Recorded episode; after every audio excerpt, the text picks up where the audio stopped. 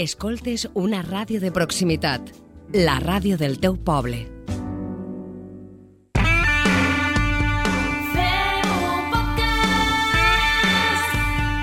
A Ràdio Godella.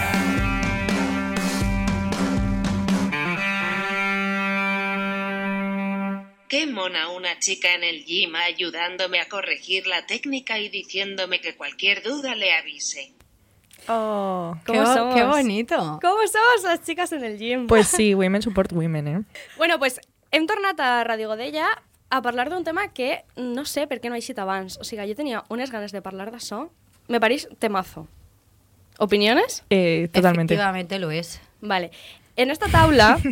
Escuetas, Avui, estamos, eh? Si és que no estan molt xerradores bueno, què li anem a fer?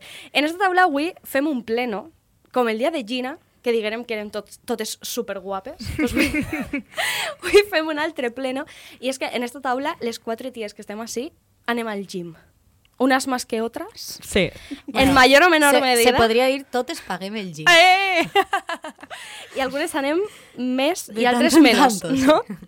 bueno, pues això que quan se pot, pues fem esport, anem al gym, som la samarreta i, eh, afortunadament, avui tenim una convidada que sap més d'això que nosaltres. Ara, ara la Sí, presentarem. com quasi tots els episodis, que saben més que molt. Menos I mal. menos mal. Menos mal. Anem a parlar de la vida de Jim Rat, però també d'altres coses molt interessants relacionades amb l'esport. Eh, jo sóc Maria de Besa, a la meva dreta Marta Meneu, Hola. a l'esquerra Carmen Alonso i això és de Parquineu. Dentro capçalera. De Parquineo, un podcast de Marta Meneu, María de Besa y Carmen Alonso.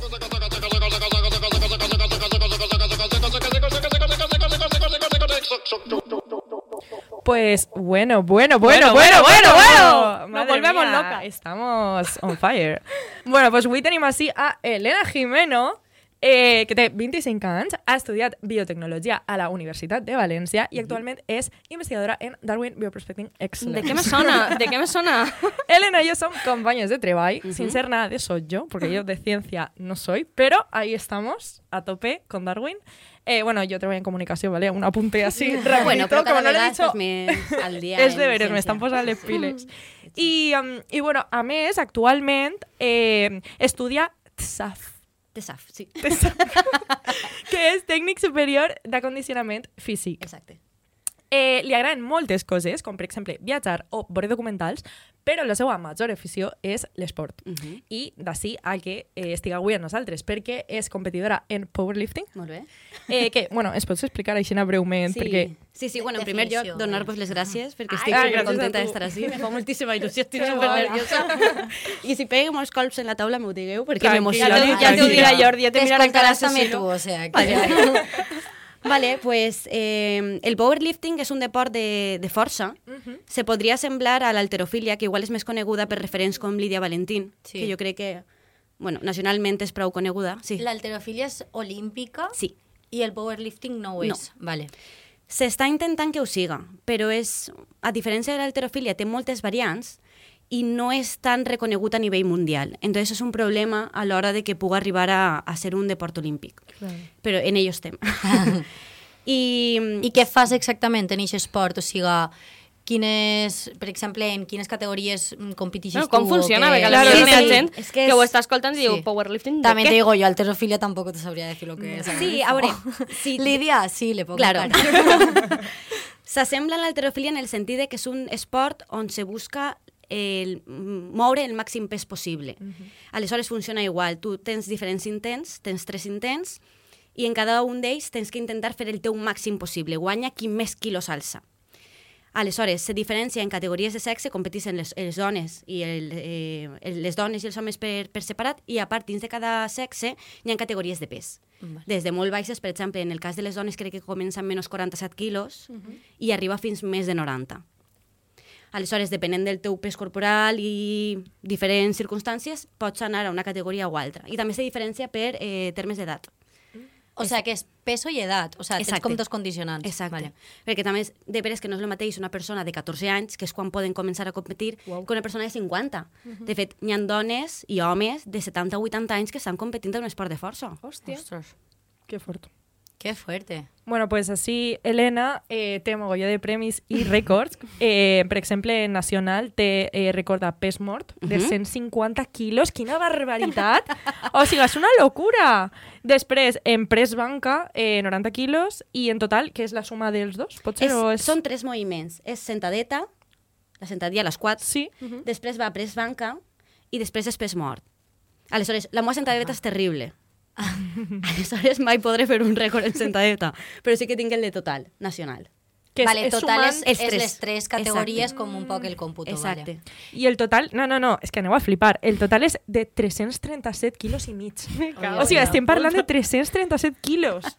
Eh, bueno, I a més també eh, té un rècord mundial, que això és molt heavy, eh, de 90 quilos en pres banca en la categoria de, categoria de menos eh, 56 quilos. Exacte, això és el pes corporal. Qué fort. Mm, vale. O sigui, qué heavy. Yo flipe. Eh, ¿Cómo se siente tener un récord mundial? Bueno, Te, a veure, te donen medalla o algo. sí, medalla te donen, medalla te donen, per chup, almenys. No, sí, sí, sí. Per desgràcia, és un esport on normalment la gent no pot viure d'ell. Normalment eh, la gent o munta un gimnàs o és entrenadora o semblant, però no se viu d'això. No és com el futbol o el bàsquet o el tennis, on la gent sí que pot viure. Aleshores, normalment te donen una medalla i la mà. Enhorabona. Ja, Jolín. gràcies per venir i tal. Hòstia. Jo, jo una de les, de les primeres preguntes que volia fer-te era justament, bueno, primer, si a l'hora de competir tu estàs en un club o és de manera individual, vas en el teu entrenador o com està això? O sea, Sí, eh, bueno, una de les coses que també compliquen el tema de que el powerlifting siga olímpic és que hi ha diferents federacions. Dins de cada país no només n'hi ha un lloc on tu pots competir, n'hi ha diferents. Entonces, depenent d'en quina estigues, n'hi ha algunes que t'obliguen a que tu estigues afiliat a un club i d'altres que no, que pots competir com una persona independent, que no fa falta que estigues en el club, Bé. força, no sé què. Mm. Aleshores, tu pots anar en el teu entrenador i en la gent del teu club, si volgueres. vale. En aquest sentit, també és de veres que és un esport com som tan pocs que normalment estem... Se, mm, hi ha molt de... mm, Molta pinya. Sí, exacte. Entonces, igual tu vas a sola, és la teva primera competició, però la gent t'ajuda. Qué guay. Perquè Que diuen, guai. jolín, jo també he estat ahí, jo ho penso i dic, és que jo també he tingut una primera vegada i estava a cagar. I veig, enseguida se nota quan algú és nou, claro. perquè li veus ahí en uns ullets que dius, ai, pobret. Entonces vas, ajudes, què passa, què necessites, t'explique, tal, no sé què. En És un sentit- poc, a lo millor, és una cosa de esport minoritzat, perquè, Sí. sí. clar, és tot el contrari de els xiquets en 7 anys jugant a futbol, que els Eso pares es. pareixen, vamos, Claro. mi hijo es un puto Cristiano Ronaldo, si no guanya el campionat del col·legi, me tal. Exacte. Hòstia, tot lo contrari, un eh? Que guai. de que siga minoritari, lo que estaves comentant, no? Jo, o sea, jo lo que volia preguntar-te és un poc com és compaginar... Jo donava per fet que no viuries d'això, com és compaginar-ho en, en la teva vida? Pues suposa que pues, treballes en Darwin, en un I treball, en més, una social. vida eh, social... És complicat, és complicat. De fet, ara un dels objectius que jo tenia des de que vaig començar era fer un rècord mundial i el vaig aconseguir fa un parell de mesos. Aleshores ha sigut el moment de dir, vale, he aconseguit això que tant volia, que menys que donar-me un any o mig any de més tranquil·litat, però jo sincerament he sacrificat totalment la meva vida social. Oh, vaya. Però perquè a mi me valia la pena, o sea, jo mm. dic, vale, eh, l'esport a mi me dona unes coses que res més m'ho pot donar. I este deport m'ho dona. Entonces, dius, vale, igual no puc fer tanta vida social com vull, però també el bo que tinc és que a mi no m'agrada ir de festa. Entonces ja era com dir, bueno, no passa res. I ara sí que estic un pau més relaxada en aquest aspecte, sí que estic fent molt més plans amb les meves amigues, i elles també és de veres que ho han entès. que és com, bueno, vale, Elena avui no ve perquè té que entrenar demà, mm, i no és claro. qüestió de que vaig en la ressaca de la seva vida a entrenar. Claro. Entonces sí que és de veres que tinc sort de tindre bones amigues que, I que això m'han me recorda molt a lo que parlarem en Arthur, perquè, clar, el tema de la família també era un poc el mateix, de dir, bueno, en les meves amistats, la meva família, saben que jo tinc això, que m'ocupa moltíssim de temps i que si vull fer això, pues n'hi ha coses puc a les que no coses, arriben. Es. Clar. Sí, són prioritats i al final igual són projectes personals, no? Al Sí. final, igual que nosaltres tenim de parquineo. Mm. És que és Claro. igual. Sí. O sea, vosaltres vos està llevant temps que podria estar en les amigues de cerveses. Totalment. Perquè és algo que t'apassiona. I després també el fet de, per exemple, eh, donar-te un, un temps de descans, eh, el tema preparació eh, és molt dur, de en la prèvia, el durant la competició i en la post, o sigui, la recuperació. Superdur. És superdur. A nivell físic, però és que a nivell psicològic te deixa rebentar. O sigui, de fet, jo no sé si va ser que em vas posar malalta o què va ser, però vas tindre com un mini síndrome de burnout a l'acabar de competir, Que, que és un Que sí, síndrome de sé. és, burnout. és com quan tens cansanci crònic, Ahí va. i hi vaig estar les dues setmanes de vacances d'agost, la primera setmana, i- o sigui, la setmana i mitja primera, que va ser just quan vaig acabar de, de competir, estava en el llit, no me podia ni alçar. I jo no sé si és que me vas posar malalta o què, però era cansanci extrem. Sí. També suposa que, que el, diuen molt de que quan el cos està sotmès a una tensió, no? quan destenses és Eso quan te es. ve tot el... Eso és. Ja. I també és de veres que jo he estat competint un any molt de seguit. Normalment un atleta sol fer dos, tres competicions a l'any i jo em vaig fer cinc. Però perquè jo estava super obsessionada en tinc que aconseguir això, tal, tal, tal, tal. Entonces, quan ja ho vaig arribar a fer, va ser com, vale, ara respire. I me va vindre tot, però estava fatal. Jo ja estava super ratllada dient que me vaig a quedar així tota la vida, que no puc estar-me del llit. pobre. Estava super preocupada. També crec que és, per exemple, a mi és una cosa que me passa el fet de, òbviament, a un altre nivell, però el fet de dur el cos al límit, sí. eh, a mi me passa moltíssim que quan estic una temporada que m'estic exigint molt, molt, molt, molt, molt, arriba un punt en el que tinc l'oportunitat de parar i el meu cos me diu, ara, ara te vas a cagar. Eso o sigui, es. ara estàs quatre dies en un mal de, de, de cap, d'esquena, de, de dir no puc en la vida. Aleshores, jo crec Sí, que és sí. un poc el punt eixe de... A mi me genera moltíssima curiositat una cosa que has dit, Helena, i és que has dit, no, jo quan vaig començar, ja vaig començar en la idea de que volia un rècord mundial. Quan vas començar, no. Ole però tu, quan... coño! No. jo volia competir, jo dia, jo vull competir, tal, i ja va haver un moment en el que vaig veure que jo començava a destacar en banca. Que jo veia xiques de la meva categoria de pes i dic, hòstia, tio, si és que jo porto un any entrenant i ja les passe. Entonces ha sigut una projecció també en el temps i claro. dir, hòstia, és que jo puc. Mm. I a poc a poc, a poc a poc, picant, picant, i al final pues el vas treure. La Helena al passat estaria molt orgullosa. Sí, sí, jo, jo estic segura de que sí. Pel que estàvem comentant de que és un esport minoritari i tal, eh, la Helena del passat, o sea, tu en quin moment arribes a aquest esport i comen... O sigui, va ser perquè potser anaves al gym i te trobes en gent que ja fa això i t'introduï... Perquè has dit, a la gent que comença se li nota en la cara. En quina edat començares tu, per exemple? Jo sempre he sigut una persona que fa molt de deport. Què va passar? Jo al parar en segon de batxiller per tindre que estudiar, perquè jo volia entrar a biotecnologia, estava super obsessionada i la nota està prou alta. Mm. I què va passar? Que jo estava acostumada a menjar com una persona que fa esport. Entonces vas guanyar mogolló de pes.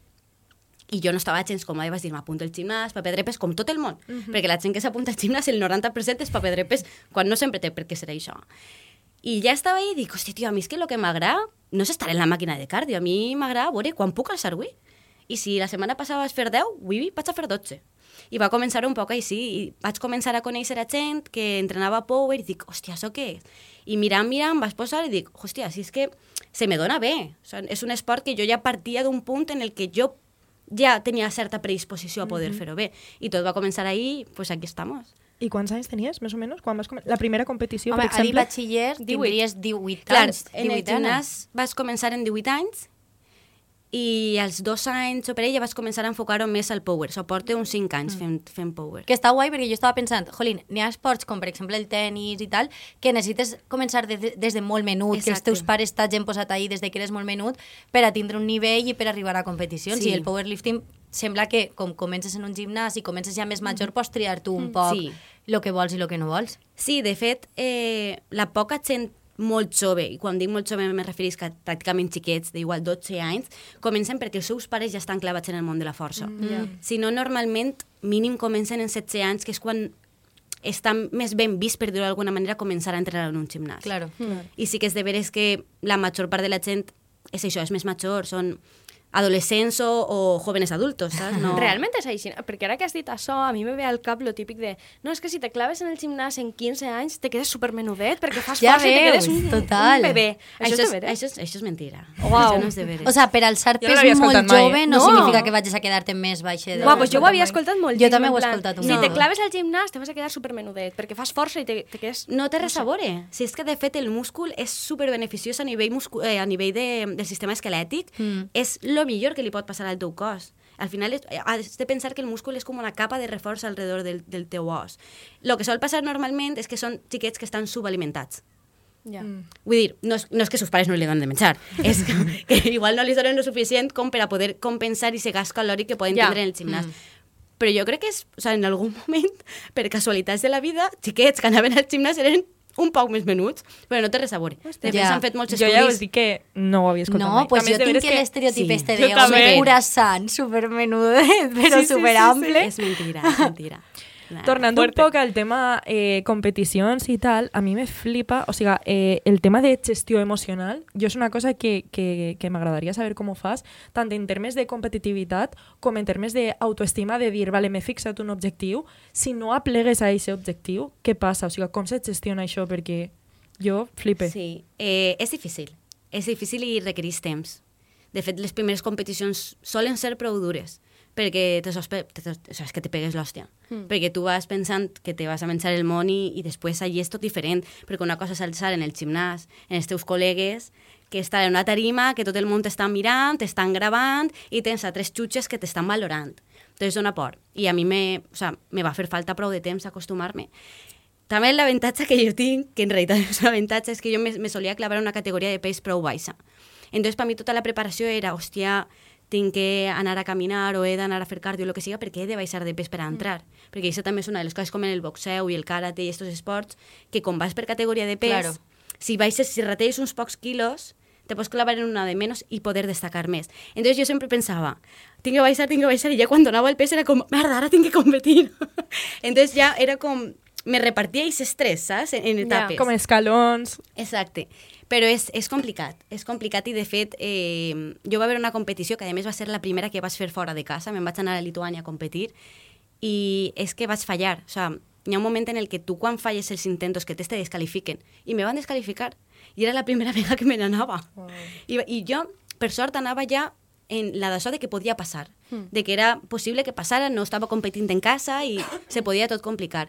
Però la Helena del passat, uf, agradi, jo m'ho dice, jo passo no servís, quan realment és, són coses que passen, és com el que va super preparat un examen i suspèn, per X motiu. Clar, és que si no estàs ben conscienciat, no? I, i el que tu has dit, valores la possibilitat de que passe, Claro. tant el tema, per exemple, del pes, de lo que has comentat, de, Mhm. i si no arribe, o sigui, pues, has de tindre en compte que, que és que a lo millor no arribes, o quan arriba el moment, per lo que siga, tens un mal dia, o, o Exacte. no... No sé. Sí, sí, és que és totalment així. A més, Digues, digues. No, que és, és, és força, vull dir, i més en el cas de les dones, que tenim cicles hormonals tan complicats, Ja veus. és que pots tindre un dia roïn i no passa res. Però és, és difícil, és molt difícil de gestionar. I a més, en un esport on estàs tu a soles, també és com, és que pa lo bueno i pa lo malo estic jo a soles, perquè jo he jugat a bàsquet tota Si la no infància i tu, adolescència. està- Si jo no estic bé, pues esta tia, que és la puta hòstia, pues probablement avui estiga bé. Però clar, Clar. en un esport en el que estàs tu a soles, és que si tens un mal dia, t'ho menges. I Eso és. Jo tinc un dubte i és... Has dit lo dels, lo dels cicles hormonals. Eh, per exemple, tu ho notes, per exemple, no sé, què, què et passa quan, si estàs en la regla? Ho notes a nivell Sí. de força? Sí, sí, sí, és brutal. De fet, hi ha molts entrenadors que programen en funció de, del teu cicle menstrual, Wow. perquè és una barbaritat. Mm. És una barbaritat. I com se gestiona un poc això? El, el, se planifiquen els entrenos o...? Sí. Sí, se controla primer que aquesta dona tinga un cicle eh, regular mm. i en funció d'això se poden programar els entrenaments. Quan, per exemple, estàs en, en la regla o estàs en uns moments on estàs més baixa d'energies, tens entrenaments més lleugers.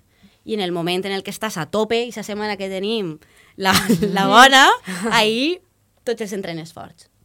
I Depèn. Jo, jo estava pensant que, jolín, quan has dit lo de... Perquè, claro, jo m'imagino que lo de les categories de pes jo només ho coneixia en el boxeig, no? Ujú. Lo del peso pluma, Eso tal... es. Entonces, jo estava pensant, fuà, és que jo estava recordant, eh, per exemple, en el món de les actrius, on al final el teu treball depèn de la teua estètica, per tant, n'hi ha papers on a lo millor el requisit és no pot pesar més de tal, o no pot mesurar el contorn de la cadera més de tal, i això ha derivat en mogolló de TCAs. Entonces estava pensant, el que has dit de, hòstia, he d'arribar a este pes, i és super xungo, per lo que està dient Carmen de gestió emocional, de dir, de no obsessionar-te i dir, hòstia, necessiten arribar a este pes, i quan estàs en eixe pes, és com, vale, ara he d'alçar peso, però després vaig engrossar més, però després no sé què, hòstia, ho és molt, molt perillós, no? És perillós i, de fet, eh, hi ha molta gent, sobretot dones, que tenen, pateixen un TCA i comencen a entrenar al gimnàs i diuen, el gimnàs m'ha curat. No.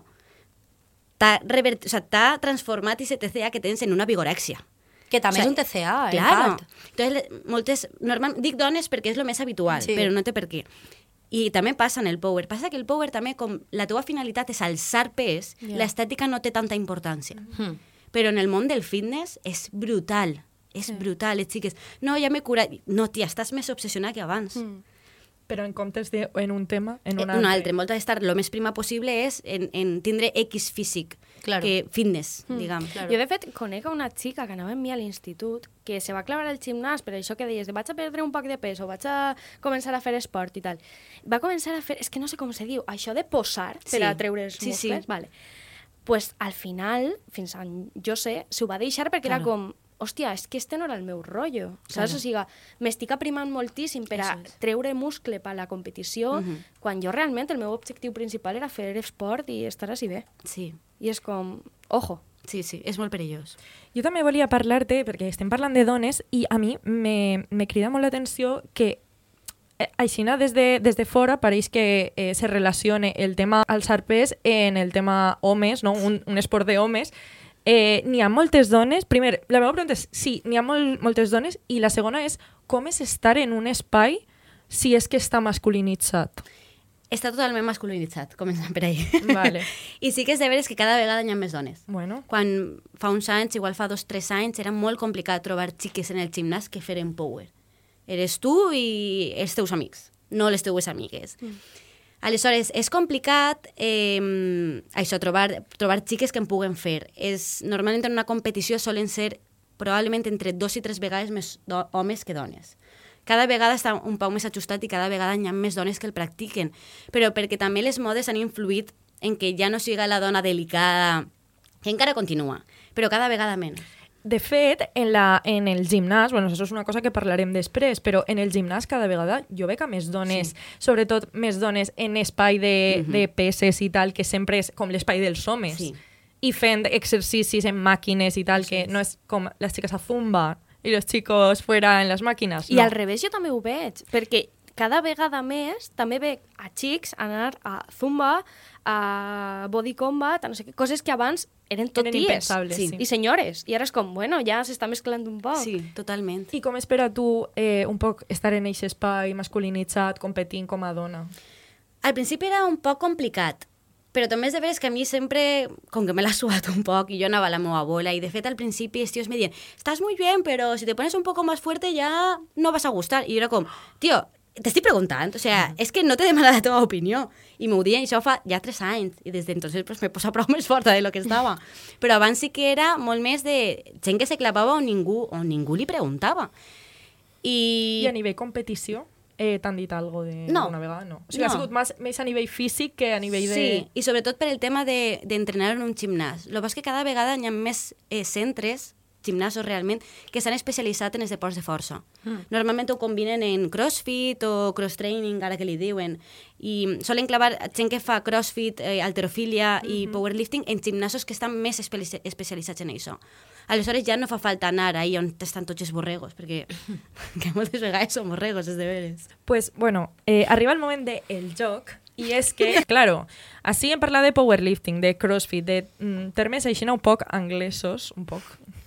Eh, I nosaltres és cert que anem al gimnàs les tres, però a nuestra marchita, ¿no? Sí, un poco con calma. Cada una, quien hace lo que puede, pues no está obligado más. No, està molt bé. Aleshores, eh, és cert que eh, jo, per exemple, he anat, vaig començar a anar a classes perquè un poc el meu objectiu era trobar una motivació d'anar al gimnàs, vaig, vaig començar fent zumba, després vaig passar a eh, body pump, i després ja vaig començar en màquines. Però jo no tenia molta idea de lo que estava fent. O sigui, sabia que, que muscles volia treballar, però no sabia com se, se deia l'exercici.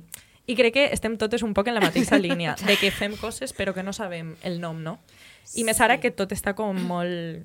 noms supercool, que Sí, ningú sap lo que, lo que són. Sí. Jo he de dir que tinc més dificultat perquè jo no he fet mai màquines. O sea, jo màquines no faig i Jo lo de justito, mà- eh? Jo faig cardio i classes i, i fin. Same. Jo, o sea, jo ho faig, però no sé, no sé, què, no sé com se diu. Bueno, pues ja veuràs el quadre, però bueno. No passa I, res. bueno, hem convidat a, a Helena que busque uns quants noms, ella que sap, eh, i mos diga el nom de l'exercici, nosaltres hem d'endevinar el que significa això. Què? D'ací Vale. pot eixir... Un... Mare A més, No, sobretot he perquè... sigut bona, eh? Ja veuràs. He sigut bona. Bueno, bueno. Bueno. El joc. Avui endevina l'exercici. El primer és un exercici molt comú. Passa que el nom és de veres que és pista. A mi me flipava quan vaig començar. Pres militar. Comenceu perquè jo sí que tinc alguna Bé, idea. és que ho he dit, és, és prou conegut. Vale, jo vaig a començar dient que jo no tinc ni idea de lo que és Pressbanca. Estàvem parlant de Pressbanca tot rato i jo no tinc ni idea de lo que Però és això això. és espentar. És, eh, Vale, espentar. gracias. Vale. Del teu cos Claro, entonces tu. Pressbanca es pentes una banca. No, sí, estàs sobre, Una roda de camió y de... y- y- estàs sobre una banca, que és un banc, és Ajá. el típic banc de gimnàs, Sí, sí. i fas un pres sobre aquesta banca. És Ah, quan vale, agafes una vale, barra, vale. l'apropes al pit i des del Vale, pit l'espentes. vale, vale. Però estàs un- en posició eh, eh, horitzontal. Exacte, sobre, com si vale, estigués vale, xitada. vale. Estàs xitada. Vale. Ah, Estás xitada ya, ah, ahora sí. Vale, claro. exacte. Ahora yo entiendo muchas cosas. Entonces, press militar entenem que és espentant algo. Molt bé, sí, anem bé? En una posició militar. Jo vaig a dir, me la xugue, jo vaig a dir alçar el pes cap al pit i no passar d'ahí. Com, uh, ahí, no sé. De, des d'on està on? Des de...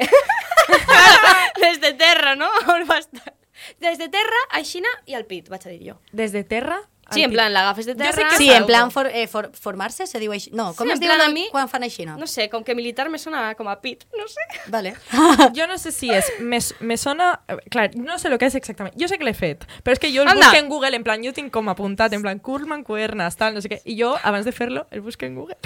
És que jo feia igual. Claro. No Som molts noms, tio. Sí, és sí, que... i, i molt raro estos. No sé si és cap al costat o cap a... No sé. Vas bé? Vale. Marta. Cap al costat o cap a dalt. En Clar, plan, això cap t'he sentit cap al també. costat o, o en plan... També he de dir Mira, que per a mi que se militar diga... és com pres de costat, com si anares a... Formación! En pla- és que no sé com es diu, és que la gent que estigui escoltant només... saludo. El saludo militar... eh, Forma, eh, Plantar-se? Sa- És el de... No. No sé com es diu. Bueno, Elena, sácanos de dudas, por favor. No alargues este sufrimiento. El pres militar és un, és un exercici que treballa el muscle. Aleshores, per a treballar el muscle, partiríem d'una barra o d'unes mancuernes a l'altura dels muscles i es pentaríem cap amunt. Mm, En serio, eso es militar? en plan recte, És que no té res a veure. Ja, Ja, eh? eh? Despista mogolló. Jofe. Sí, però és en plan recte, no? Sí, en recte. Ai.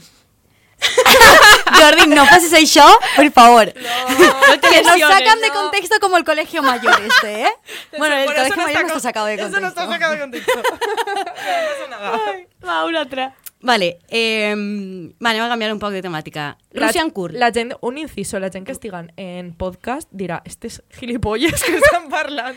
Heu de Pues veure este ara se, par, YouTube, ara se no. passaran Bueno, a no, YouTube, miraran a Jordi i Que en. Spotify també tenim vídeo ara. És veritat. Podeu mirar-lo. Molaria una descripció de vídeo també, saps? Això que te pares en la tele y te diuen, está abriendo los ojos. Està levantando en recto. Vale, vale. Has dit perquè- Russian Core. Eh, twist. He dit curt, però és twist. M'ho vaig inventar quan ho vaig ese- ese no escriure. le fe yo. Russian Twist. Pues Twist. yo Twist me sonaba a movimiento, algo dinámico. Vale, molt bé, vas bé. Como No és el- estàtic. Como el joc del Twister. Del Twister. Claro. Russian, no a sé. ruso, te sonarà, segur. Pero es algo en movimiento. También, claro, es que esto relaciona en el pes y yo no tengo ri- ni idea del peso. Se pot fer sense pes. Sí. És tipo les tancades? Ai, No. jo estava No. pensant en això, no? Twist... Hòstia, Està jo- girant, Jordi està girant. Molt bé. Oh. Sobre si mateix. Molt bé. Sí, ah, pues com girar és? sobre ti mateix en mancuernas o algo així. ¿Qué te parece? Pues ho dic ja? Sí. sí. És un exercici per a treballar els abdominals. Oh. Aleshores estàs com sentat però a, a, a, a, em, apoyant només el, el que és el cul, els peus o, o en alt o apoyats en terra. I has de fer uh, gires Cuidao. del tronc. Vale. Vale. Però sense pes o en pes? Pot Les agafar dos. pes o no. Vale. És lo que la gent porta com la bola Exacte. en el... La kettlebell. L'agafen en les dues mans, és la pesa russa que se li diu, que és una cosa redona Claro, en, La nomenclatura es lo Claro. nuestro. es La bola con la cosa. La és bola con la cosa. És, és una bola, és que és de veres. Vale, vale, Molt vale. bé, Jordi. Sí, sí. Increïble. Perquè l'has buscat en Google. No, ni poco. Jordi, ya no participes en el podcast. est- Estoy decepcionada. És que Ah, al·lèrgia. Està en Pobre. és veritat. Va, la última? Va, un, par. Bueno, va, un par, vale, vale, vale, m'he picat. Eh, a treballar l'altre altre grup muscular. Vale, vale. sí, jo no sabia Remo ni Gironda. Remo Gironda. Remo Gironda. Remo mira. Remo. Molt. Sí. Remo, va, el de la corda? No. Mira, jo us vaig a gente de Spotify, el àudio. Maria ha fet un moviment de mans... De remo. De remar. Sí, de remar. De remar de, de, de, de, de, de, de, de, de, de, de, de, de, de, Remo Gironda. És agafar en dos mans el remo i dur-te-lo a un costat? No. Això no Ah, se fa, remos no? no n'hi ha en el gimnàs. Claro. N'hi ha, ha com la No, cosa... remo, eh, bueno, Molt la cosa sí, vale. que Es pareix un remo. És una polea, exacte. Ah, muy bien, eso. és Però una que corda, un cable. Que pareix... sí. Sí, sí. Si Quin- li poses va, imaginació, pareix una Quin piragua. grup muscular se treballa? Ah, eh, pas... És que no. Eh, que- Molt bé. Toma ya, chaval. Ya Dilo. no me voy a Vale, morir. pues ja està. tronc bé, superior. ja està. Vale, però és un remo. És en, eh, sentat però en les cames estirades, Ah. des de la polea estires cap al teu cos. Ah, vale. Ahí fa que isquen els músculs que a mi m'agraden de l'esquena, que se te noten ahí, los hoyuelitos. A mi Como el remo Rosalía. este va ser una de les primeres màquines que vaig agafar en el gimnàs perquè ahí no n'hi havia ningú. Jo vaig dir, este me gusta. Pues yo encara... que estoy sola. Yo en Y me polea un no, huevo. no me he atrevido en polea. No sé por qué. Me dona com cosilla. Està Perquè guapa. polea, jo conec uno que, bueno, no sé si heu vist House of Cards, la sèrie, no l'heu vist, veritat? No. Jo no. Pues el presi d'Estats Units en aquesta sèrie, per fer esport en casa se passa una màquina que tu estàs com agazapau i, i estires com si fos una polea també. Sí, Saps el que vull això dir? és més tipus de crossfit. Ah, vale. Pues res, fin del juego, ¿no? Pues Está muy chulo. bien. Sí, guai. guai. Eh, Hòstia, el cero- cero cultura- complicat del puto de Cero cultura del I esport. cero retenció, jo ja no me'n recordo de lo que hem dit, o sea... Cur pres militar. Tres temps. Russian, Russian, Russian roulette. Giroconda. Ja està. El yo. Avui endevina l'exercici. Bueno, nosaltres anàvem a parlar de... de si... Me l'acaben de tachar. No, no, no. Se m'ha no, se no, m'ha no, ido. però bueno, per, per filar un poc, anàvem a parlar de... eh, O sea, teníem preparat una part per a parlar de si t'han qüestionat alguna vegada el teu cos per, eh, per ser una dona que treballa, que, que fa exercici i que està musculada, però bueno, mos has contat un poc, però no sé si tens alguna que, experiència que realment o... és el que has dit de que tan, alguna vegada t'han dit si te fas més forta te ja no molaràs. És comú en el powerlifting? Que te... No, la gent és, és una xicoteta comunitat. Dins no, no hi ha problema. Passa més fora que dins de la gent que pugues conèixer? Gent que no està en o mundillo. Claro. Ai, és que pareixes un home i és com tu no pareixes l'home en el que t'estàs... Vull dir, En el que m'estàs comparant? claro, estàs criticant el meu cos, Mm. no sé, quina necessitat tens? Jo estic dient-te tu algo? No, Ja. no tens per què dir-me Però res. i a més, és que n'hi ha un punt de sexualització en aquest comentari, perquè és com, és que si te poses més forta, no vas a agradar. Però ja tu qui t'ha dit Clar. que jo vull agradar-li a tu o a algú? Clar. O sigui, és el cos que a mi m'agrada, déjame en paz. reformular un poc la pregunta que tenia, també, que teníem en el guió, per lo que ha dit Carmen, no? De, al final, eh, jo m'estic adonant que, bueno, nosaltres teníem pensat de estàvem vist que un home treballa el seu cos i una dona no, no? I entonces és en plan, realment també s'espera que les dones treballen en el seu físic, més fins i tot que els homes, però, clar, les dones com a que sempre han d'ajustar-se a un cànon, i un cànon és treballar a lo millor certs parts del cos, com la cadera, eh, estar primes, o sigui, tindre com cintura d'abella i tal. Entonces jo el que volia preguntar-te realment, perquè tot això jo crec que ja ho sabem, és que n'hi ha com diferents cànons dins del món dona esportista, me referisc. Eh, per exemple, està com el referent fitness, que és la xica que fa yoga i que fa, eh, pues, això, al millor- zumba i tal, que és com aquesta primeta, està atlètica i tal, però que no té músculo, diguem. Sí. Està, per exemple, la dona, que sí que se treballa més crossfit, powerlifting i tal, i després ja com l'extrem està eh, la culturista, no? Que Exacte. seria com... Entonces, com a que n'hi ha diferents cànons, a lo millor dins de... Sí, o sigui, depenent també del teu enfoc, hi ha com diferents graus. Jo al principi pensava, jo no vull posar-me com esta quan vaig començar. I ara dic, hosti, tio, ojalà estiguera com esta, saps? De dir, m'agrada ser físic. Mm. Però també és de veres que l'entorn ha propiciat que cada vegada n'hi hagi més dones que entrenen. De fet, per a mi ara el canon de, de bellesa que n'hi ha és una dona lleugerament musculada. De fet, ara mogolló de famoses estan... Eh, no sé quién presume de bíceps. I són, a mi, el que em preocupa en aquest aspecte és que normalment són xiques que estan un poc musculades però extremadament primes. Clar. I això és increïblement perillós, perquè estem en el mateix i diu, no, és gent que se cuida, no, no. Aquesta persona té un percentatge de, de greix extremadament baix i això és super perillós.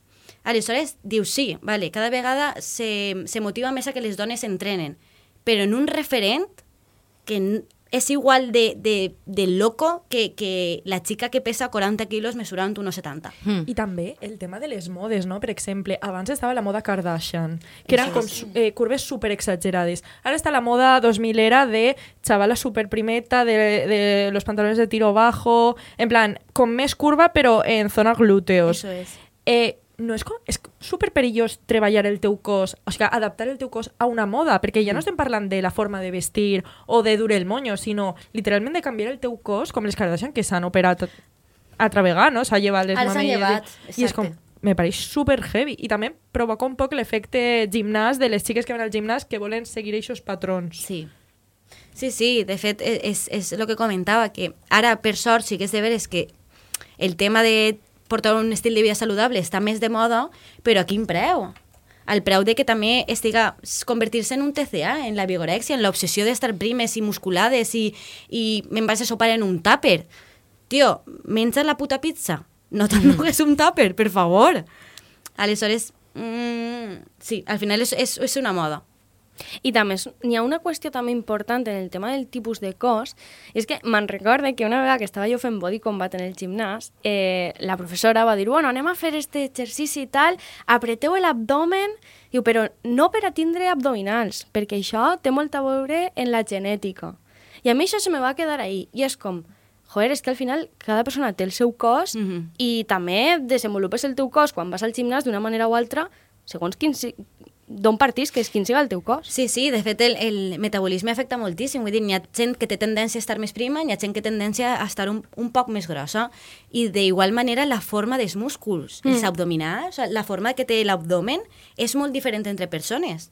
Igual que, per exemple, les cames, el que són els quàdriceps canvia molt, entonces tu, eh, veure a la xica fitness en una tableta superbonica, supersimètrica, és que no, tu no pots, perquè els teus músculs no són d'aquesta manera, Clar. encara que tu els treballes no poden ser aixina. De De fet, fet, bueno, vaig Jo- trobar jo una estava entrevista... pensant en, en una mini, mini influencer, eh, Raquel Reig, Sí. qui és? Raquel Reig va tindre mogolló de hate perquè ella fa abdominals i feia molt d'esport i els seus abdominals tenen com una raja enmig, o sigui, com estan molt separats. Sí. I la gent eh, li deia que si estava fent exercicis adrede per tindre-los aixina. I era Ja. com, i ella va explicar, no, és que la meva genètica i la meva panxa és aixina. Clar. Ja està. No, pues això, que vaig trobar una entrevista a Lara Ibarra, que es nutricionista e influencer fitness, y de ella, he recibido todo tipo de comentarios, que no debería hacer tanto ejercicio porque mm, y debería tener las piernas más delgadas porque cada vez las tengo más grandes. Eh, y en realidad es mi genética. Y es como, es que yo cuando faig esport i faig cames, tinc aquest tipus de cames. No faig esport en les cames per tindre les més primes. I Clar, això és com, i- és que cada uno... I no, i que no tens per què fer esport per tindre les cames més Claro. primes. És, és el que estaves comentant abans, no? De que se busca com el cos un poc musculat, però sobretot el estar prima... El... Exacte. I ah, tinc una última pregunta respecte a lo que has dit de les cames. És possible que el fet de que el gimnàs tinga les màquines super específiques del palo, lo que estàvem dient antes en els exercicis, no? De, vale, en això entrenes d'esta part del cos. A lo millor és més fàcil associar-ho a la idea esta de, vale, no, jo lo que vull és aprimar-me de les cames. Entonces, com a que és més fàcil que la gent vagi molt de el cos per parts i no tindre una idea completa de, vale, no, el meu cos sóc jo i sóc aixina i el meu cos, si, la, si el greix em va a la cadera, no vaig a poder llevar És que això. és així, cal tindre una versió holística del cos, igual que el tema de perdre greix. La gent diu, faig abdominals per prendre panxa. No, si fas abdominals vas a guanyar múscul. Però el greix se perd en un dèficit calòric, és a dir, consumir més calories de les que estàs inserint. Igual que, clar, és que és, és super con contraproducent, perquè si tu entrenes cames en un gimnàs per a reduir el volum, tu al entrenar cama el que estàs fent és construir múscul. Mm. I el múscul ocupa, molt Claro. més que el greix, de fet. Aleshores, va la gent ahir a perdre el greix de les cames quan en realitat el que està fent és fer-les més grans, més boniques, per al meu gust. Clar. Perquè som, per a mi són més estètiques. Però és com dir... Mm, pensa un poc, o sigui, és buscar-li la lògica biològica i anatòmica a la realitat. Totalment. I dona, dona molta ràbia. Jo eh, anava a dir justament això, no? que vaig veure fa poc en un eh, vídeo de TikTok. Eh, bibliografia, dos puntos, TikTok. En nuestra línea. que mm, eh, això, que, que o sigui, eh, molta gent se centra en eh, vaig a fer abdominals per eh, perdre grassa i realment com que ara me diràs tu si Sí, sí, és correcte, però com que la grassa no se perd de forma localitzada, No. sinó que se perd de forma global i encara que tu busques com la hipertròfia, se diu, que Sí. és marcar el múscul, eh, de, dels abdominals, si tens grassa, no vas es a poder, clar. Exacte. Encara que els de fet, tingues- sempre diuen, los abdominales se hacen en la cocina. Eh, en partes de veres, perquè al final alrededor del, o sea, el múscul està alrededor de l'os i sobre el múscul estan les capes de greix que són necessàries. Aleshores, si tu tens un abdomen, la hòstia de fort, però tens una capa de grasseta, no se te va a marcar. Per això els culturistes baixen tant El el, greix per a mostrar el múscul que hi ha baix. Entonces, una persona pot estar superforta, com per exemple poden ser els judoques, els, perdó, els uh, luchadors de sumo, Sí, sí, jo... o els strongman, que són, i strongwoman, perquè també està, que són bèsties pardes de 100 i pico quilos, que estan superforts, però pareix que estiguen grossos. Ja. Per què? Perquè tenen una capa de greix per damunt. Aleshores, és, és això, o sigui, tu per a tindre abdominals has de fer dues coses. Una, treballar l'abdominal, però d'altra, llevar-te aquesta capa de greix, si vols, clar, o sigui, Claro. no... Pots tindre Sí, un sí. superfort i que no, I que no te se vea. remarque. Claro. Mm. Una cosa més és que abans ho estaves dient.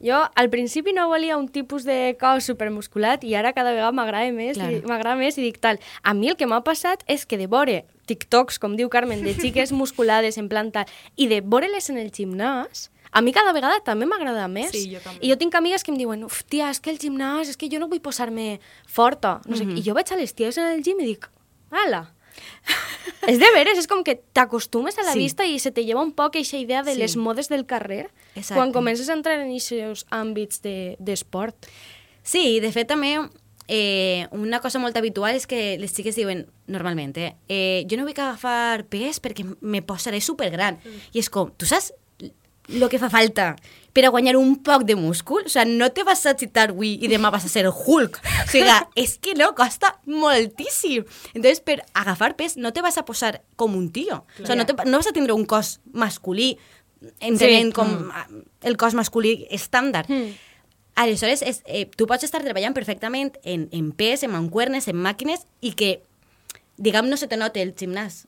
O sigui, pots tindre un cos estètic o un cos atlètic, però que no se note que, que vaig per ahí així com un armari, saps? No té res a veure. Fa falta molt, molts anys i molt I el tema del tren superior, en plan, no, no, jo no entrene tren superior perquè no vull que se me marque l'esquena perquè això se fa gran, en plan, les xiques, és, una, és un, com una idea comú, no?, de, no, jo l'esquena no l'he de treballar perquè si no se me marcarà i pareixeré...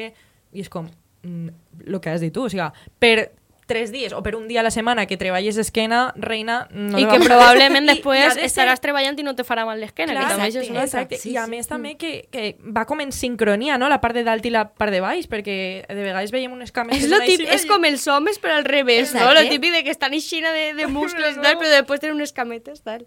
Sí, pues passa igual. De fet, jo sóc la primera. Jo vaig començar el gimnàs i dia, jo faig cardio, cul i cames. I després dius, és que no té ningú sentit. I de fet, el fet de tindre una esquena un poc més ampla, Fa- exacte, dona aquesta sensació de mm, cos de rellotge d'arena. Mm. Perquè al tindre les cames més grans i els muscles més amples, tens, visualment tens la cintura més estreta. Mm -hmm. I és molt més estètic. pues li vaig a tirar a la puti. Claro. Vaig a fer la mateixa presentació de la puti de tots els capítols. Hem eixit al carrer. I seguirem així, molts capítols més. Hem eixit al carrer. A on, a on? Ah, no. Ah, bueno. Hem eixit a Palma. Una altra cosa és que gravem en Palma o al final siga en el Cedro. Però la idea és que hem eixit en Palma a gravar a la gent, va preguntar-los si van al gimnàs, si no van, per què van, per què no van, quins són els seus objectius i quines coses les donen gossera i diuen, mira, me quedo en casa. O sigui que, dentro puti vuelta. Dentro puti vuelta. La putivuelta. Sabeu lo de que estaven en Palma? Sí que n'hi ha puti vuelta en Palma. No sé si veu darrere, però estem en la troca, que és una jornada de trobada. És un dia, vale? de joves creadors eh, de parla catalana, és a dir, estem valencians, catalans i illencs. No sé si diu illencs. Balears. Balears. Anem a preguntar, va. Jo sóc Júlia Mèrida i el meu projecte és Pati de Butaques, un podcast que està a Spotify. Som la Cèlia i la Semproniana i... I som, tenim un podcast, es diu La Trinae, també amb una altra amiga que es diu Llum. Jo sóc la Clàudia Rius i sóc una de les integrants del podcast de Gent de Merda. Soc en Jaume Ribet, soc periodista, soc de Mallorca i he moderat una taula de troca. Jo sóc l'Adriana Díaz i se'm coneix com l'Adriana del Parlem-ne. Soc la croqueta de xocolata, també em dic Laura Zurriaga, i faig contingut de receptes en català a TikTok. La primera pregunta és si aneu al gym. Eh, no vaig al gym, no, al gym no. Jo tampoc. No hi vaig per falta de temps i també perquè te dic, sóc poc esportista. No hi vaig, però jo estic apuntada. O sigui, Pagues, però no va. pago, però no, o sigui, fa molt de temps que penso haig de trucar per desapuntar-me, joder. L'últim cop que em vaig apuntar vaig anar un cop i vaig estar sis mesos per desapuntar-me. Pagant. Sí. Vaig començar a anar al gimnàs amb la meva parella, em costava bastant, però quan li vaig agafar el gustillo, doncs al final ell va deixar d'anar al gimnàs i jo hi segueixo anant sense parar. Anàvem a un lloc molt xulo, que era només de dones, pràcticament, i érem com a 7 o 8 dies, i fèiem un entrenament dirigit amb una atleta superguai. He tingut com diverses fases de gimnàs, una en la que era he de baixar de pes, tal, no sé què, una mica més per cosa física, de dir, em vull veure millor, doncs dieta i gimnàs, saps? M'apunto, vaig dos dies i dic, no és per mi. I després sí que va, l'últim cop que em vaig apuntar sí que va ser com de, vale, no, baixar de pes no, però sí que potser posar-me una mica com forta, no? Perquè si ve algú, li, saps, rotllo, mm. Últimament, des d'aquest setembre, allò de ser millors, m'he plantejat despertar-me més d'hora i anar, anar caminant a la feina, que són 40 minuts, i per tant, i acabo estant com... O sigui, acabo dedicant un temps que podria dedicar-li al gimnàs. Llavors, penso, no era jo. És el, el problema és el gimnàs. Faig bàsquet, vaig a córrer i això és tot el meu exercici. Per tant, no m'he plantejat mai anar al gimnàs, ja tinc com a la quota coberta. Jo faig ball, faig com hip-hop.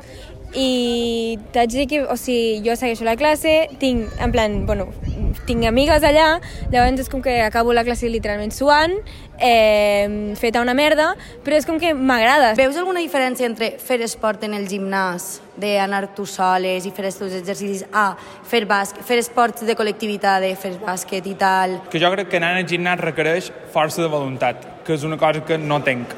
En canvi, sí que tenc com a compromís amb els meus companys d'equip que si no som suficients no podem entrenar bé, no podem fer partit, el que sigui. El gimnàs potser és algo com molt repetitiu, rotllo. Mm. Entre les màquines, estar un lloc tancat, tanta gent... No sé, trobo que no m'agradaria i que és molt més beneficiós fer un altre tipus d'esport. Per exemple, ballar t'aporta com, suposo, molta més serotonina que estar analítica. Al final és una mica el mateix. De fet, sí.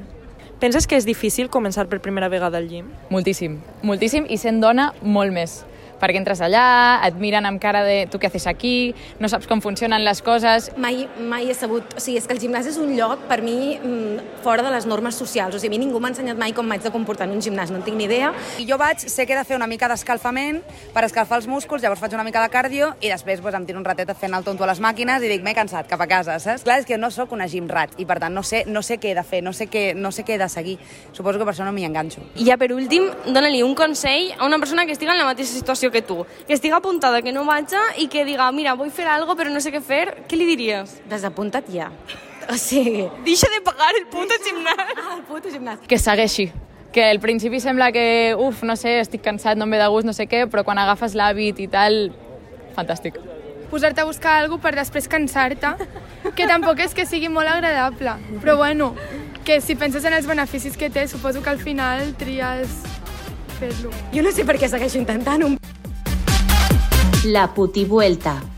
Jo crec que el gimnàs, sobretot després de pandèmia, no, jo diria que antes. A mi me va passar que en pandèmia vaig deixar d'anar per el tema este de anar en mascareta i tal, que tot va ser un poco quadro, però vaja, que en els últims anys el gimnàs ha fet super mega popular a nivell eh, um, opció fàcil per a fer esport. Entonces, això també ha fet que se popularitze pues, a nivell influencers, youtubers, contingut en general. Opció fàcil per la disponibilitat, vols, vols dir? O... Perquè el fet de ser... Ho estàvem parlant abans, no? Jo crec que en general un poc tot, no? O sigui, al final és, és molt més fàcil a nivell horari perquè també vas tu Ahí soles, no depens de ningú, Mm, no has de socialitzar... Si vas a les 9 de la nit no tens per què fer l'esforç tampoc social. que o sea, obrin a les 5 i mitja del matí I tanquen a les 11. Exacte. Entonces, com està tan popularitzat i tal, i també a nivell creació de contingut, jo he notat que molts influencers, molt tal, s'està com anant molt fort per ahí, sí. n'hi ha com molts termes que jo crec que venen sobretot d'internet i perquè estan en anglès, i jo tot el que ve d'internet sol estar en anglès, com són, per exemple, pues això, el, el gimbro jo sí que el conec, que s'ha convertit un poc en meme. El gimrat sí que és veritat que jo no el coneixia. O sea, Sí. no el coneixia, no, no li he escoltat a ningú del meu entorn dir gimrat, ni del meu entorn digital, diguem. En TikTok no? No. Hòstia, Jo gimbros a saco, però... Vídeos a saco de penya dient Gimrat i Gimbro. Sí que és de veres que el Gimbro és més en plan... El, igual que el Cryptobro, el Ese es. hombre forocoches, Mm. un poco. Que a veure, també t'he dic, per a nosaltres gimbro és com despectiu, però entre ells és una Ei, manera sí. de... Per lo Sí, menos la és- gent que jo conec que està guai en eixe terme, és com a... De fet, va néixer un poc d'ahir, que després s'ha derivat en que s'ha fet més Meme. general i que la gent que no està en eixe rotllo ho ridiculitze, pues sí, però en realitat al però crec principi era una manera d'identificar-se. del context en el qual el gastes. Perquè, Sí, per exemple, també està el Gym Sist o el... mm, com és? El bueno, no sé com se diu, però quan, quan tens un novio, un novio i una nòvia van junts al, al Ah, gimnàs, té, sí. té com una paraula, o a lo millor és Jim- gimbro. bueno, Jim no. Capel. Sí. Como Sí. Capel... No sé, Capel té- Goals. Té, té Sí, algun nom, sí, però bueno. Però que depèn un poc en en, inglés, en vaya. el context en el que se diu. Elena, pa tu què és un gimbro? Exacte. Perquè t'has partit el puto culo. Que a mi. Però què és un gimrat? Jo encara no sé lo que... O sea, un gimrat és encara més despectiu, no? Pues no. Pero a mí, Perquè rat ojo, ve de ojo, rata, ojo, quiero decirte. ojo. Pero no sé por qué, o sea, sí, no sé rata de gimnàs. Clar. En plan, que no ixes del Però gimnàs. la rata, de biblioteca, és despectiu igual. A mi no m'agrada que me diguen rata de biblioteca.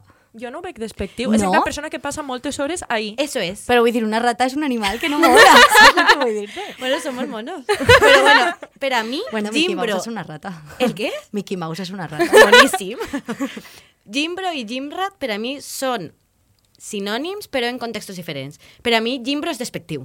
Sí. Sí. Ahí están els Jimbros ya liant Sí. la parda. Los guais del instituto. Sí, pero mal. O sea, Ya. los que se creen guais, però no lo son.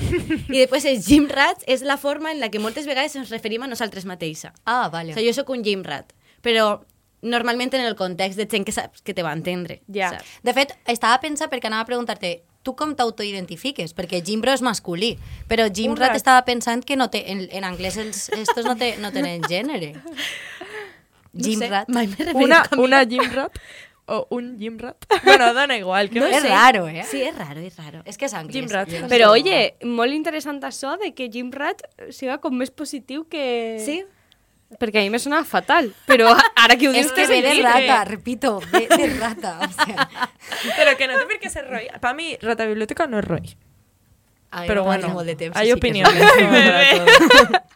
Jo el que volia preguntar, que un poc el que estava dient antes de s'ha popularitzat últimament molt, està molt també en internet, en TikTok, en YouTube i tal, note, o per lo menos la gent del meu entorn, jo no conec a ningú, bueno, mm, dos persones contades que van en entrenador personal, és a dir, una persona de carn i os que te veu a tu el teu cos i te diu has de fer això, això i això, o has d'anar en compte en això perquè no sé què. Jo, la regla general de la resta de gent és eh, autodidactes a base d'internet, és a dir, Sí, youtubers, què tal, i jo, o sigui, crec que parlant a nivell món gym en general, no? que una cosa és fer exercicis, que jo també els agafe de la Patrick Jordan, per exemple, i altra cosa és youtubers que a lo millor te diuen el que t'has de prendre de creatina, com has de fer el preentreno, com t'has de fer la dieta alimentícia, i crec que aquestes coses són un poc perilloses, perquè no, pri, primer, que no saps la formació, no saps la base que té aquesta persona per a dir-te això, i segon, que no estan aplicades al teu cos, que sempre és una cosa molt general. Exacte. De primer és que molta gent, eh, aquests influencers, youtubers, etc., eh, molts d'ells no tenen ningú tipus de formació. Hmm. partint d'aquest punt. I d'altra, cada persona, segons el sexe, segons l'edat, segons els antecedents, segons si té enfermetats, necessita un tipus d'exercici o certes vegades a- d'en- d'entrenament, tip, tipus de dieta. Entonces, tu no pots fer algo super genèric. Tu no li pots dir a una dona que té tres fills, que treballa 12 hores al dia, que no està que excuses para ir a entrenar. Tócate los huevos. Ja. O sea, si pots entrenar una hora a la setmana, pots entrenar una hora a la setmana. I ja està. Entonces, tio, això a mi me dona molta malícia per això, perquè és super personal de cada persona, o sea, de, de, òbviament, però per a mi és molt important que sobretot una persona quan s'inicia contrate un entrenador personal. Per lo menos que siga online, o sea, per lo menos que, encara que no siga personal presencial, perquè això sol ser molt car, Claro. Però sí online, que te faci un plan, que tu li digues els, seus, els teus objectius, quin és el teu horari, quines són les teves preocupacions, eh, si tens algun tipus de, jo què sé, problema psicològic inclús. I a partir d'ahí elaborar un plan. Que cero coñas, lo de problemes psicològics, eh, n'hi ha moltíssima penya que eh, el tema de l'exercici, l'esport i tal, eh, l'utilitza per a, en plan, la fa sentir millor perquè és com que, eh, no sé, molts esportistes han comentat que tenien, pues no sé si a lo millor és molt greu dir-ho, però depressions o coses així, i que el gimnàs, el tema de la planificació, de veure com vas a poc a poc millorant, com vas eh, treballant el teu cos i veient resultats, Eso es. els ajuda moltíssim. I a mi, per exemple, a un altre nivell totalment, a mi m'ajuda molt en el dia a dia a dir, vale, en este, en este moment del dia no vull que aconseguir coses concretes en el meu cos, però jo sé que a lo millor puc anar dos una o dos vegades a la setmana i sé que no puc aconseguir objectius eh, quant a veure resultats, però el temps que jo estic ahí és temps que estic dedicant al meu cos i en el que no estic pensant en altres coses. Totalment, totalment. I eh, al final l'esport, com moltes altres coses, tu eh, llibres endorfines que això a nivell psicològic i a nivell mental és que és lo millor. Molta gent diu, el gym és mi teràpia. Tampoc és això. Claro, perquè si te fa falta és- anar a la teràpia, te'n vas al psicòleg. Ahí és el que volia dir, però sí que Però ajuda molt. Ajuda moltíssim. De fet, hi ha vegades que entres al gimnàs, tio, en el cap fet un jaleo, en un mogolló de preocupacions i com tio, te tens que esforçar, tens que... Estàs I patint. desfogues, també. Claro, i, i Mm. de repente dius, hòstia, jo què collons estava pensant quan he entrat? Entonces està molt bé i no només ja de cara... Perquè una cosa que fa molta gent és ja va al gimnàs quan té X problema. Entonces, també el gimnàs és una forma de prevenció. Claro. D'arribar... No, és, és eh, una forma d'arribar millor a certa edat. Jo pateix molts problemes d'esquena, perquè vaig tindre un accident de cotxe fa set anys, o així, eh, i normalment cada mes i mig, dos mesos, estava molt, molt, molt mal, i des de que vaig començar fa, no sé, 8, 9 mesos a anar al gimnàs constantment, una vegada, dos vegades a la setmana, i treballant com podia i el que podia, eh, ho he notat moltíssim en com jo me sentisc l'esquena i tal. Clar, si és que de fet i és que és això, realment el que és saludable no és matar-te en el gimnàs, igual que els deportistes d'èlit no estan sants per a res. Lo ideal és caminar tots els dies un poquet i treballar la força. I la flexibilitat, si se pot, també, que també és important. I és això, en una, dos, tres vegades que vaig al gimnàs ja estàs mantenint un estil de vida super saludable. I el, el que dius dels, dels problemes d'esquena i dolors i tot això és, és el que comentava abans. Tu al tindre X tono muscular, una certa quantitat de, de massa muscular, que tampoc fa falta que sigui molta, és un poc, estàs ajudant a, a, a aliviar aquests dolors i sobretot a nivell articular, a nivell os, o sea, de, del sistema òsseo, també ajuda a, a no tindre tants problemes. Mm.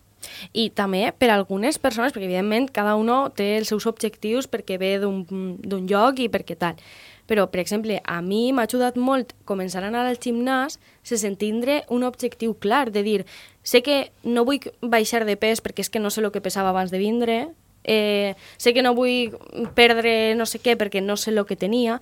És en plan, vaig a vindre així, vaig a relaxar-me, Mhm. vaig a desfogar, i si quan estic estirant me veig que tinc un músculo que jo sabia, no sabia que estava ahí, digo, Bienvenido, ole, bienvenido. mira tu, bienvenido. Sí, sí. Però que, joder, això també és molt sano. O sigui, n'hi haurà persones que la, la manera de fer esport per aquesta persona siga eixa. De dir, vamos aquí, nos relajamos i ja veurem. Clar, és, és que no, o sea, el 95% de gent que va al gimnàs no va tindre un físic de culturista de ser el millor del món, no, la gent va perquè és saludable i per mm. lo que comentàvem abans, perquè tens un horari on tu vas on tu, quan tu vols. Pues, eh, bueno, com a última secció anem a rescatar una secció que en la primera temporada ja la teníem, que es diu el consultori. De normal, el consultori sempre l'ha fet gent que no era la convidada d'aquest programa, però com tu vens en qualitat de convidada, però, o sigui, és a dir, tu tens la part d'experiència personal, en plan, estàs competint, però alhora també estàs estudiant sobre això i eres com experta en el tema, eh, havíem pensat fer un consultori que fora un poc per a tota aquesta gent que al millor no ha començat encara, eh, que se ho està pensant, o que va a lo millor com... Jo, vaig, per exemple, vaig al gym i jo hago bici i correr, i ja està, jo no faig res més. Entonces, aquesta gent que a lo millor està pensant en començar i tal i no sap molt bé com, que donares a lo millor alguns tips. El consultori. Consells per al. Havíem pensat, per exemple, vestimenta. Si la vestimenta és eh, diferent, jo, per exemple, sí que tinc unes sabatilles per a córrer i unes sabatilles per a jugar a tennis, Molt per bé, exemple, sí, que sí. sí que canvien. Eh, si a mi una cosa que me va passar també, el tema de l'entrenador personal, que ho has dit tu, és molt car, jo esperava que com a mínim, ja que el gimnàs és tan car també, la pagar la quota, que algú me donara, me donara alguna indicació. A mi ningú me va donar ninguna indicació de màquines i jo no sabia com funcionaven, per tant, no les he tocat. Si podem anar a preguntar-li a algú, si no, si és habitual en un gimnàs que el que està en la recepció te puga donar algun tip també. Aquest tipus de coses d'iniciar-te en un gimnàs. Vale. Primer, el primer consell va per a tu. Ala, por lista. Lo primer és que és superimportant treballar la força. Uf, jo la flexibilitat la duc molt No, bé. però jo de la força. és molt Vale, important, vale. de veres. O sea, és que és el que comentava, és, és una protecció per als teus ossos. I ara és tot molt guai perquè tenim 20 anys, tal qual, però quan arribem a 60 i a 70, com no has tingut un mínim, una mínim cura sobre els teus músculs, te va passar factura. Aleshores, Tomo sempre, nota. encara que siga una o dues vegades a la setmana, com fa Carme, molt bé, molt sana ella, n'hi ha que treballar amb força. que no vol dir matxacar-te i anar al dia següent en unos agujetes per morir-se, sinó simplement treballar els músculs a, a força, no a estar mitja hora en la bici. Mm. Vale, això és el primer. És superimportant treballar força, tingues l'edat que tingues i lo que siga. Superimportant. Després, temes sabates que has comentat, o vestimenta. Pots anar com te dóna la gana, com vagis tu més còmoda, en la camiseta del Prica de propaganda de fa 30 anys. És que dona De paelles universitàries, també. Exacte, i és, està bé. Sí que és de veres que a mi em fa molta gràcia, no?, que veus normalment en setembre o a principis d'any tot el món comprant en Decathlon l'outfit complet que després dius, és que se te va quedar ahí. Ja. Fes el favor i apunta't al gimnàs i quan ja veus que portes dos mesos consistents, ja si vols te fas un armari de roba esportiva. Però pots anar com tu vulguis. Perquè l'hàbit se crea a partir de... 21 dies. 21 dies. Sí. A partir d'ahí te pots comprar la roba que vulguis. A partir d'ahí ja pots anar tiradíssim al gimnàs, que no passa nada. No vas jo, a ligar jo vaig tampoc fer, en el jo vaig fer que un quadre. O sea, jo veig a la gent en uns outfits superconjuntats i tal, i jo hi ha vegades que porta el top roig i les malles rosa. Xica, pues és que Uf, vas cuidado cómoda. eso, eh. Ja, Roja y roso. Rosa, rosa y rojo, puñetazo en el ojo. pues jo vaig comodíssima, perquè és el top que dia de posar-me i els pantalons que vas supercòmoda. I tema sabatilles? Tema sabatilles, jo sí que eh, normalment se gasten és de córrer. Hmm. Mm. Estes que porten un poc de tacó per darrere. Mm. Però jo, per a gimnàs estàndard, recomanaria planes, tipo Vans. Per la, jo, TikTok me va dir que era per la estabilitat, no? En plan- Exacte, perquè normalment aquesta goma que porten està molt guai per córrer, perquè t'amortigua, clar. però tu, si intentes fer un exercici en, en els peus plans, te desestabilitzen molt. Entonces, si te dius en el gimnàs, també pots anar descalç. O sea, en, en veres, jo, ve, i ja jo veig està. a prou gent. Qué hippie eso, ¿no? Sí.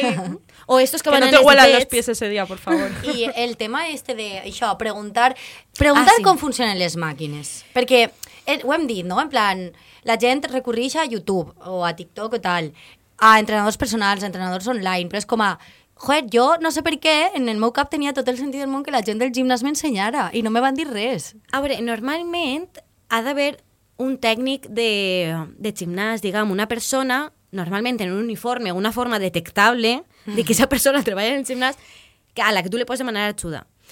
Si és, normalment en els gimnasos que són tipus low cost, és la mateixa persona que està en recepció. Sí. Si és un gimnàs així més fancy, més pijo, solen ser coses separades. Però normal té que haver una, un, un monitor de sala que se diu, Ah, vale. que te pugui aconsellar. I si no, normalment la gent te sol ajudar si, si pots preguntar. O sea, En les aplicacions de les, de les, eh, del gimnàs Mhm. també tenen, per exemple, jo vaig al Viva Gym i té un apartat que és entrene, en plan, si no has Molt bé. entrenat mai i te dona com exercicis en plan eh, bici a tanta velocitat o tants minuts, eh, després tantes repeticions de tal màquina i crec que no te posa pes ni res, però sí que te diu repetició, tants I segons de t'explica descans. com Sí. funcionen les màquines. Sí, crec. tens un vídeo i tal. Mm. O sigui que, L'únic que, que jo no és veig que mateix, ells però... és que realment tampoc hi ha molta diferència una rutina del youtuber no sé Ja, què o de la ja. influencer no sé què. És més que tu ho estigues fent de manera correcta. Ja, Entonces, per això clar. la necessitat de que hi hagi un monitor. I el gravar-se. Perquè sí. jo veig que molta penya gravant-se, que ho fa de forma pro professional, gravar-se fent exercicis. Això és per veure si fas la tècnica bé o si... Sí. De fet, eh, bueno, jo treballo, o sea, jo treballo, o sea, se diu treballar, però bueno, jo tinc un entrenador personal i jo li passe vídeos de com ho faig, perquè no el tinc presencial, perquè és que me costaria una pasta. Claro, Entonces jo el tinc online. claro. Entonces jo li passe els vídeos per a que ell vega com vaig. I me Mm. fa correccions tècniques, me pot ajustar així els pesos per a la setmana següent. Però també és una forma de tu veure com ho estàs fent, perquè tu igual t'estàs pensant que tens l'esquena bé i tens una xepa, fa flipar, perquè no Ja. t'estàs veient. Aleshores també és super recomanable gravar-se. I aquests vídeos també poden servir un poc Eh, una altra pregunta d'estos tips per a la gent que està començant és el tema dels objectius i de les metes, que al final veure't en aquests vídeos com millores, ja no veure't físicament com canvies, sinó com canvia el teu La moviment tècnica. o la Mhm. teua tècnica, i ho millores també és un, com un aliciente a, a que ho està, estàs avançant, vaja. Totalment. I és no només el que comentes de físic, de fer-te una foto el dia que comences. Jo, per exemple, mm, durant molts anys jo tenia pànic a la bàscula. Entonces jo no me pese. Només me pese quan me toca pesar-me perquè tinc que entrar a una categoria de pes. Claro. Però jo fugís de la bàscula perquè és que no representa absolutament res. Hmm. Entonces, per mi, quan algú comença, i sobretot si ja ve de- d'haver patit un TCA o d'haver tingut algun tipus d'antecedent, no te peses. Mira't a l'espill. En això tens suficient. Mm. Fes-te alguna foto si vols per, per comparar, però Bueno, la, he, he- derivat en un altre tip, però crec que és important. sí, sí, total. Adiós bàscula, de veres. O sea, tireu-la. Sobretot perquè no és real en quant a quan els teus objectius, no? Per exemple, si eh, vols perdre pes però en realitat estàs fent musculació sense el que havíem comentat de vas a guanyar l'alimentació, del dèficit calòric, Clar, vas a reduir volum, vas a Mm. veure't millor estèticament, Però el millor, pes- Però el pes va estar igual. Normalment sí que és veritat que guanyar múscul costa, costa prou, però que no és representatiu, igual que d'un dia a altre pots guanyar dos quilos i perfectament és perquè te va baixar la regla la setmana que ve i tens una retenció de líquids de l'hòstia. Mm. O perquè has menjat un peliu més i tens, estàs un poc retinguda. Entonces, per això és que el pes és absolutament secundari, depèn mogolló de l'altura també de la persona. O sigui, mm, dos persones que són una un poc més baixa que l'altra se'n van anar una barbaritat de quilos entre una i l'altra. I el que comentaves dels vídeos també, al final és una forma de tu veure com progresses, el que has dit de flexibilitat, que abans igual baixaves molt poquet perquè enseguida te tirava i no podies. Veure com progresses, i veure quants quilos pots anar alçant. Al principi agarraràs les mancuernes més xicotetes i Clar. quan portes un any diràs, és que en aquestes xicotetes jo què fas, tio? Jo Clar. puc aga- agafar ja 10 quilos, 20 quilos, el que siga. quan se veu que pots com pujar un poc el, els quilos que estàs treballant? Quan vas tan fàcil que dius, no estic treballant ningú múscul. Normal. Perquè lo recomanable que és en plan... Perquè, o sigui, com que te coste fer totes les repeticions... No, les que... primeres sempre van anar bé. Vale. Vale. Normalment les primeres van anar bé. I Són Sempre entre 8 i 12? depèn molt. Pots Vale. anar entre 8 i 20 o entre 6 i 20. De fet, jo quan entrene vaig a 3-4 perquè és Un jo treballo en increïble. força. No, perquè jo tinc objectiu d'alçar el màxim. Clar. Entonces, jo perquè vull fer 10 repeticions en menys pes, preferís fer menys en més Claro. pes. Depèn mogolló de l'objectiu, igual que se poden fer variacions. Pots anar a un exercici a 20 repeticions i un altre a 5. És super variable, Vale. depèn també molt de l'exercici. I és, normalment el que se recomana és mm, que tu te pugues guardar en recàmera, que se diu, dos, tres repeticions. O sigui, tu agafar un pes en el que si tu vas a 8, digues, quan facis la 8, digues, podria fer dos o tres més. Mm. I és el moment de parar. Perquè tampoc és qüestió de matar-te. O sigui, és que Ja. no, no, no Mm. te dona temps a recuperar-te. És anar provant, no? Que això és una altra, el la importància del descans, no? Barbaritat. Descan o sigui, descansar entre sèries. Descansar entre entrenaments. De res serveix entrenar set vegades a la setmana. El teu cos diu, però què estàs fent, col·lega? O sigui, jo necessito descansar, dormir, menjar bé. O sigui, tu no pots pretren- pe- pre- eh, pretendre millorar en el gimnàs menjant mil calories al dia. Lo siento, no. És que això ho estàs consumint només per viure. Que això també és una cosa superperillosa. Res de dietes de mil calories mm, i, me, i menys de mil calories ja és una locura. O sigui, has de menjar. Perquè, o sigui, en, encara que aquest dia no entrenes, o sigui, el teu cos només per, per, per respirar, perquè el, el, cor, el cor te bate, que eh, tot això consumís moltíssimes calories. Aleshores, n'hi ha que menjar. N'hi ha que menjar no molt, però sí lo suficient. pues bueno, jo crec que, ha quedat un, sí. un consultori en Sí, tips molt bastant xulos. El consultori. Consells per al llit. Jo crec que dona, dona ganes de, de començar el gim. Sí. No? En plan, vinga, va. Els tips que ens hagueren agradat, Agradat tindre, sí, sí, total. Pues, i ara veu un altre joc. Bueno, com estamos? Que el és el momento. Endevina la cançó. El momento. Eh, um, bueno, sempre fem un poc, no sé si vols tindre com el teu minuto d'oro per acabar, alguna algo que reflexió que, se- t'hagi vingut, algo que no hagis dit, que t'has quedat en les ganes de dir... Un poquito, i és que a mi m'agrada molt xerrar. Vale, ja, sí, vale, vale, vale. Un, un poc així en modo de resum. Lo primer, sobretot a les dones, no tingueu por d'anar al gimnàs. És super sa. Eh, que vos la sue tres pobles el que diguen la gent de vosaltres, perquè és que dona igual. És que aquesta gent que vos diu, és que aquesta gent no, és una red flag enorme. Fuera, out. I que si te fa falta anar al gimnàs per a valorar-te més, o sigui, per a poder sentir-te millor, ves que ni, se la va sudar a tot el món. O sigui, no, no, que no te done por, de veres. I la bàscula a la Mola. basura. Mola. La bàscula a la basura. Vale, pues bueno, amb el, vaig a intentar... Bueno, Elena Tranquil. avisada de que tararejar no és mi fuerte, Fuerte. ¿vale? Però no Entonces- problema, no problema. És molt fàcil, és fàcil, però no aneu a saber quina és. Ja vos, us aviso. El vale? va de lo contrari, tia. Te, Tu te entrenes en música, Elena? Sí. Vale. Pues a lo millor l'has escoltat entrenat. Bueno, en quin tipus Vale. de música entrenes?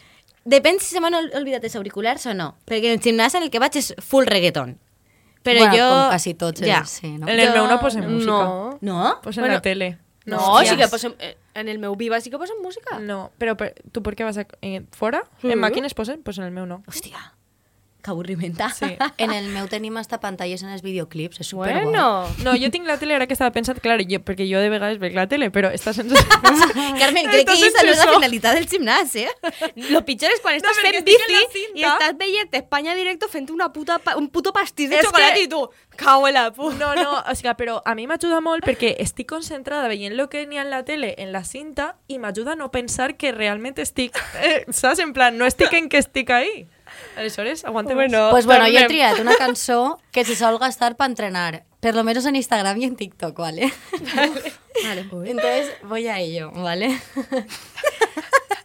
na na na na na na na na na na na Què? Un momento, vaig a fer-ho sense el na, que si no me queda molt bé. Mm, mm, mm, mm, mm, mm, mm. Mm, mm, mm, mm. Me, me, me vol sonar. Sí.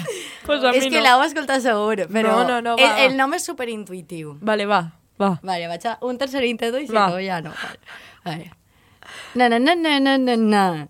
Na, na, na, na. Na, na, na, na, na.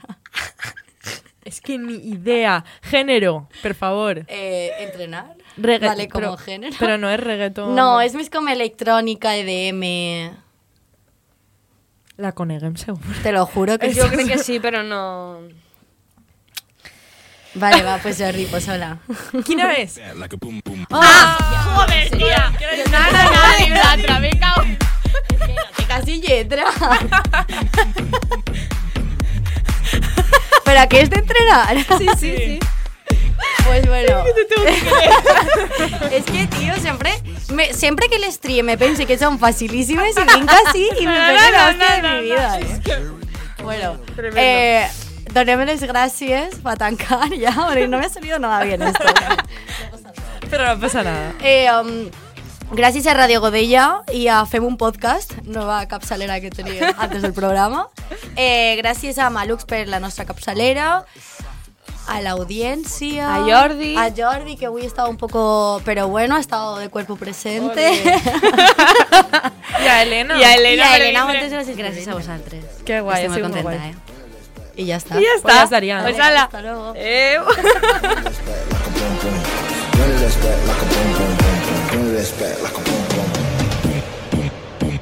De Parquineo, un podcast de Marta Meneu, María de Besa y Carmen Alonso.